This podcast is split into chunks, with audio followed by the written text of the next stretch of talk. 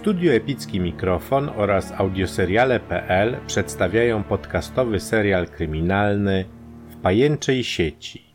Scenariusz Jerzy Koryzma. Realizacja Adam Wolański. Odcinek czwarty.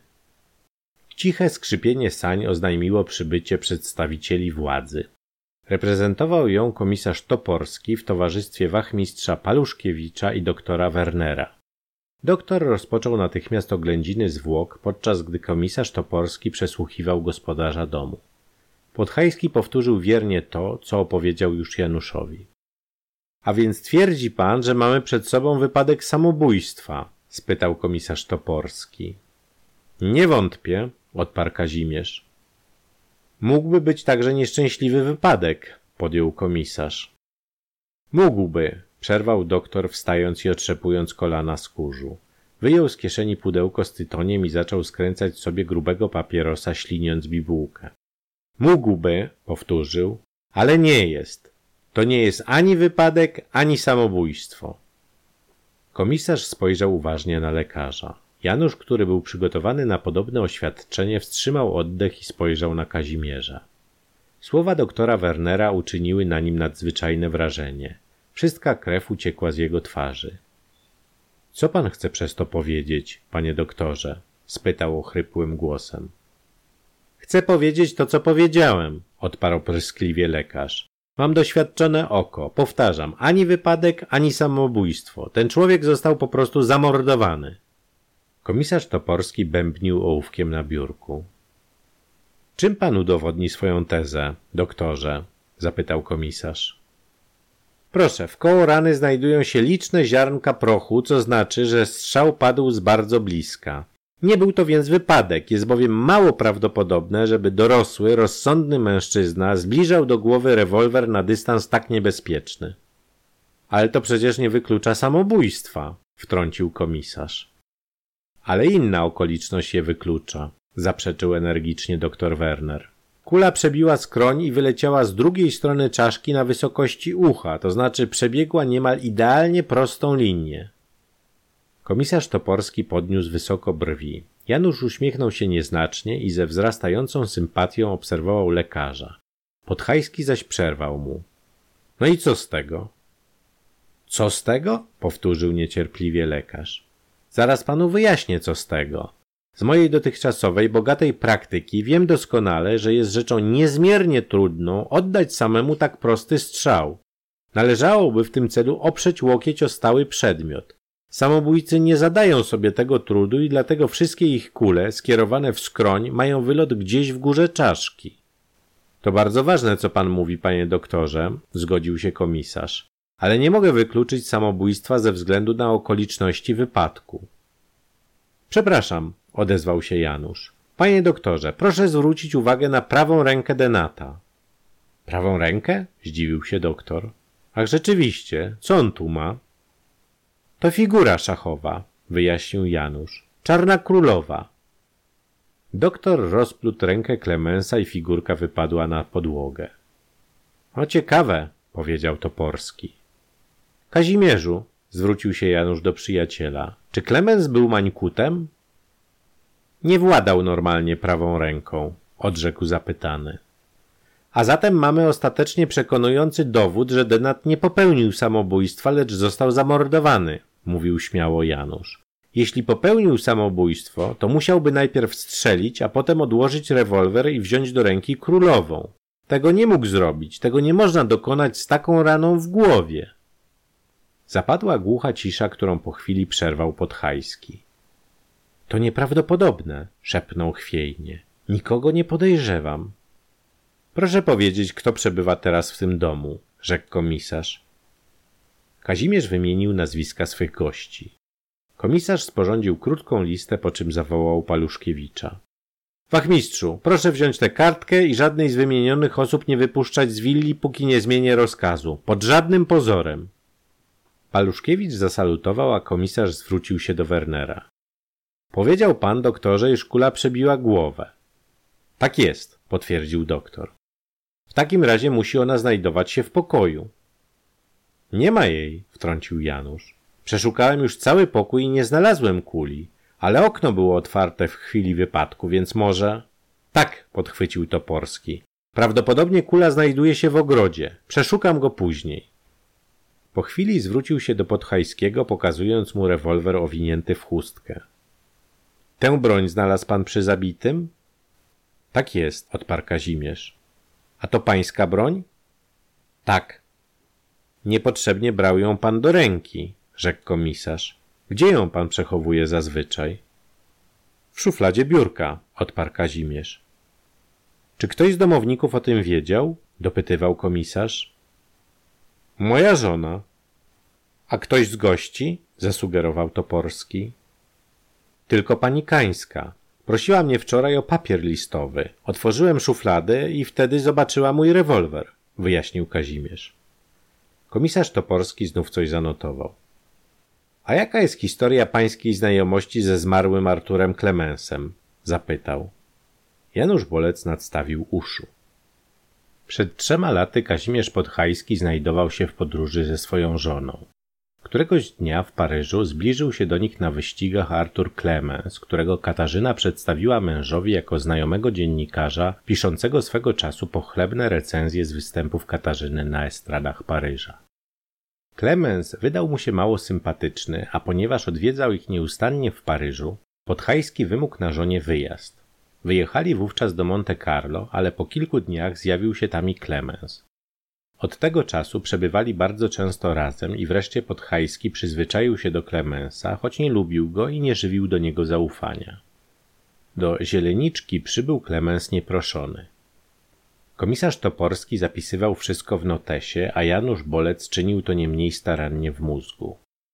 Chciałbym jeszcze pana o coś zapytać, zwrócił się komisarz do młodego reportera.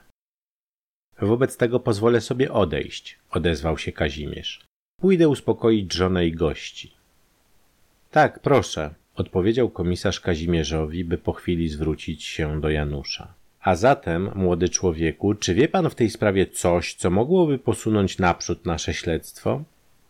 Janusz opowiedział wszystko, co zauważył, zatajając jedynie fakt, że widział przyjaciela ładującego rewolwer w noc poprzedzającą zbrodnię. W toku dotychczasowego śledztwa zrodziły się w nim pewne nowe myśli, które dopuszczały istotnie możliwość, że to nie Kazimierz był mordercą. Za wszelką cenę postanowił oszczędzić przyjaciela. Ale w tej chwili sprawa przyjęła taki obrót, że wiara Janusza w niewinność przyjaciela zachwiała się niby domek z kart. Jednocześnie komisarz Toporski dostał do ręki atuty, niemal zupełnie wyjaśniające tajemniczą sprawę. Chwili, gdy Bolec skończył swoją wypowiedź, do gabinetu wszedł wachmistrz Paluszkiewicz. Panie komisarzu, powiedział rumieniąc się z emocji, na pańskie polecenie przeprowadziłem rewizję wśród rzeczy pana Podhajskiego i w kieszeni jego szlafroka znalazłem tę oto kartkę. Położył na biurku zwinięty papierek. Janusz, który stał przy krześle komisarza, mógł odczytać słowa wypisane ołówkiem. Niech pan nie zapomni, że jutro o dwunastej upływa termin, który panu dałem. Nie będę czekał ani chwili dłużej, lecz wypełnię groźbę. A. C. I to pan znalazł w szlafroku pana Podhajskiego? spytał komisarz Paluszkiewicza, ściągając groźnie brwi. Tak jest, odpowiedział wachmistrz. Proszę zatem, aby pan go natychmiast tu wezwał, wydał rozkaz komisarz, a Januszowi bezsilnie opadły ręce. Po chwili w drzwiach pokoju pojawił się Kazimierz. Pan mnie wzywał, panie komisarzu? zapytał. Tak jest. Czy znana jest panu ta karteczka? rzekł komisarz i triumfalnym gestem pokazał Kazimierzowi korpus delicti. Nie, odparł niespokojnie Podhajski. Nie wiem, co to ma znaczyć. Czy to jest pismo zamordowanego? drążył komisarz. Nie mam zielonego pojęcia. Nigdy z nim nie korespondowałem. Czy pan nigdy przedtem nie widział tej kartki? Nie, skądże, odrzekł Kazimierz. Ale znaleziono ją w pańskim szlafroku. W moim szlafroku? Jestem ciekaw, jakim cudem się tam dostała. Właśnie chciałem, aby pan mi to wyjaśnił, powiedział komisarz. I nagle Podhajski odzyskał zupełny spokój. Janusz obserwował z zadowoleniem, jak z jego twarzy zwolna znika napięcie. Odpowiedział spokojnie na pytanie komisarza. Nie mogę tego wyjaśnić. Sam bowiem nie rozumiem, w jaki sposób w moim szlafroku znalazła się ta kartka. Niepisana do mnie. Czy chce pan przez to powiedzieć, rzekł komisarz z niedowierzaniem, że ktoś niepowołany włożył ją panu do kieszeni szlafroka? To bardzo prawdopodobne, odrzekł Kazimierz. A kto to mógł być? Tego nie wiem.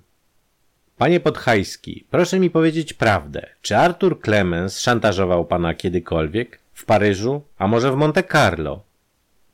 Nie, nigdy, odparł Kazimierz. Szantaż? Nie, nigdy nie znosiłem tego człowieka. Nie podobało mi się, że żona moja toleruje go, ale nie szantażował mnie nigdy. Czym miałby zresztą mnie szantażować? A czy nie rozmawiał pan wczoraj wieczorem z Clemensem? I czy podczas tej rozmowy nie padły z ust Clemensa następujące słowa? Tu komisarz otworzył notes i czytał głośno. Nie będę czekał dłużej, albo dasz mi pieniądze, albo skończę z tym. Daję ci czas do jutra w południe. To śmieszne, odezwał się Kazimierz. W ogóle rzadko rozmawiałem z Klemensem, a cóż dopiero w podobny sposób. Nie rozumiem tego, panie komisarzu. Drogi panie, przerwał mu Toporski, proszę się niczemu nie dziwić. W pańskim domu zamordowany został człowiek i moim obowiązkiem jest wykryć sprawcę. Jest już rzeczą niewątpliwą, że Klemens komuś groził w tym domu. Szantażował kogoś w celu wydostania pieniędzy. Pierwsza, narzucająca się w oczywisty sposób hipoteza zakłada, że morderstwo popełnił szantażowany. Komisarz umilkł i spojrzał na kartkę. Janusz obserwował Kazimierza i pomyślał, że jeśli on gra, to ma wspaniałe zdolności aktorskie. Tymczasem zdumienie rosło w oczach Podhajskiego. Kartka znaleziona w pańskim szlafroku pokrywa się w mojej rachubie ze słowami, jakie wypowiedział Klemens, ciągnął nieubłaganie komisarz Toporski. I była, według mnie, wystarczającym powodem, dla którego ofierze szantażu zależało na tym, aby unieszkodliwić szantażystę. A więc pan sądzi, że to ja jestem ofiarą szantażu? zapytał Kazimierz. Nic nie sądzę, odparł niecierpliwie komisarz. Na razie zbieram tylko materiał dowodowy. Chwilowo jest pan wolny. Proszę się jednak nie oddalać poza obręb willi. Muszę przesłuchać pozostałych domowników. Kazimierz Podhajski opuścił gabinet, a komisarz pogrążył się w swych notatkach. Janusz Bolec wrócił do swych myśli. Rzeczywiście, łańcuch miażdżących dowodów zamykał się wokół nieszczęśliwego właściciela zieleniczki. Wszystko przemawiało za tym, że Klemens wiedział o pewnych sprawach, na których zatajeniu przed światem zależało Podhajskiemu. Nie chcąc ulegać szantażowi, który zapewne trwał już dość długo, Kazimierz oddał śmiertelny strzał. Ale jedno było zastanawiające. Dlaczego, zabijając swego wroga, popełnił tyle niewybaczalnych błędów? Nie powinien dać się schwytać z rewolwerem w dłoni nad zabitym. Powinien był usunąć kompromitującą kartkę. Panie komisarzu, odezwał się nagle Janusz, mam nadzieję, że nie podejrzewa pan Podhajskiego. Wręcz przeciwnie. Sprawa wygląda poważniej niż przypuszczałem. Mam na myśli właśnie Podhajskiego odrzekł komisarz. Wątpię, czy jest pan na dobrej drodze, mruknął Janusz. Ależ co pan mówi? Nic, nic, rzekł Janusz i umilkł. Po chwili zjawił się Paluszkiewicz w towarzystwie pani Podhajskiej. Komisarz zwolnił ją po krótkim przesłuchaniu. W chwili, gdy padł strzał, znajdowała się w salonie wraz ze swą przyjaciółką Kańską. Biegnąc na miejsce wypadku, spotkała się w holu z Januszem Bolcem.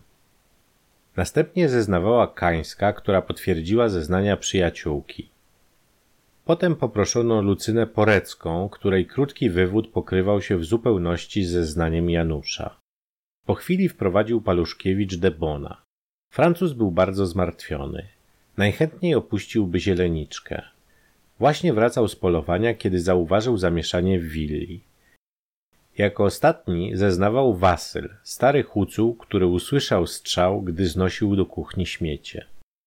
Po przesłuchaniu Wasyla komisarz Toporski oświadczył, że chce być sam. Janusz udał się do swego pokoju i napisał do redaktora Nienieskiego z prośbą o przedłużenie mu urlopu o kilka dni. Swój krótki list zakończył słowami. I możecie już zaanonsować nowy cykl sensacyjnych reportaży opartych na prawdziwych zdarzeniach. Zapewniam podniesienie nakładu. Dzień miał się już ku końcowi. W willi panował posępny nastrój. Domownicy snuli się po pokojach. Na wszystkich legł niepokojący ciężar tragedii. Parę minut po szóstej komisarz Toporski wyszedł z gabinetu i polecił Paluszkiewiczowi, by ten wezwał Podhajskiego. Janusz drgnął. A więc jednak, trudno, komisarz spełnia tylko swój obowiązek. Ale jego, Janusza obowiązkiem jest ratować przyjaciela. Jedyne ślady na rewolwerze, rzekł spokojnie komisarz do Podhajskiego, pochodzą z pańskich rąk. Aresztuję pana pod zarzutem morderstwa dokonanego na Arturze Klemensie.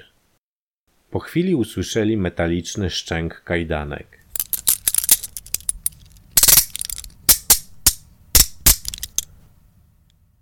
Kazimierz skierował na komisarza bezgranicznie zdumiony wzrok, po czym przeniósł go na Janusza.